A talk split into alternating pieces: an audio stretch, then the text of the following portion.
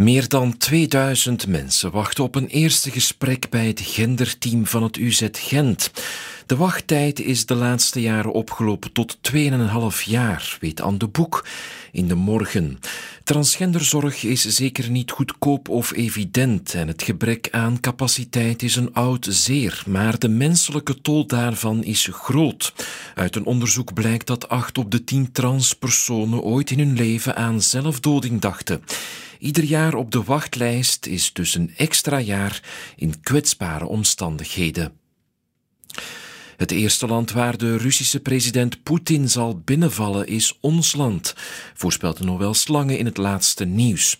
Toch als het aan Donald Trump ligt, want hij verklaarde gisteren dat Rusland zijn gang mag gaan in NAVO-lidstaten die hun deel niet betalen aan defensie. Ons land blijkt de op één na slechtste bijdrager. Trump heeft de wekker gezet. Ons land moet zijn inspanningen dringend versnellen.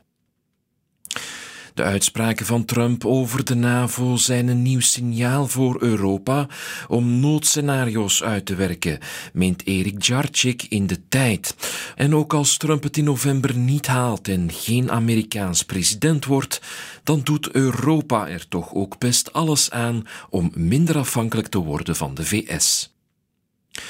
Volgens Europa moet de Belgische overheid 27 miljard euro besparen.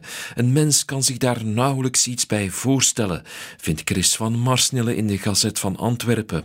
Wat we de volgende jaren nodig hebben om die besparingen door te voeren, zijn standvastige regeringen en bekwame, moedige leiders die een beleid kunnen en durven voeren. Maar die hebben we voorlopig niet.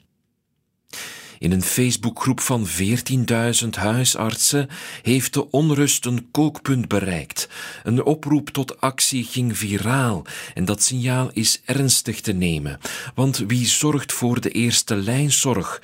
vraagt Lieven Sion zich tot slot af in de standaard.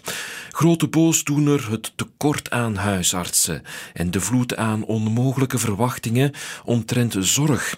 In de noodkreet van de huisartsen weer klinkt intussen vooral het gevoel dat de beleidsmakers hen niet horen of waarderen. Het is maandag 12 februari en dit waren de krantencommentaren.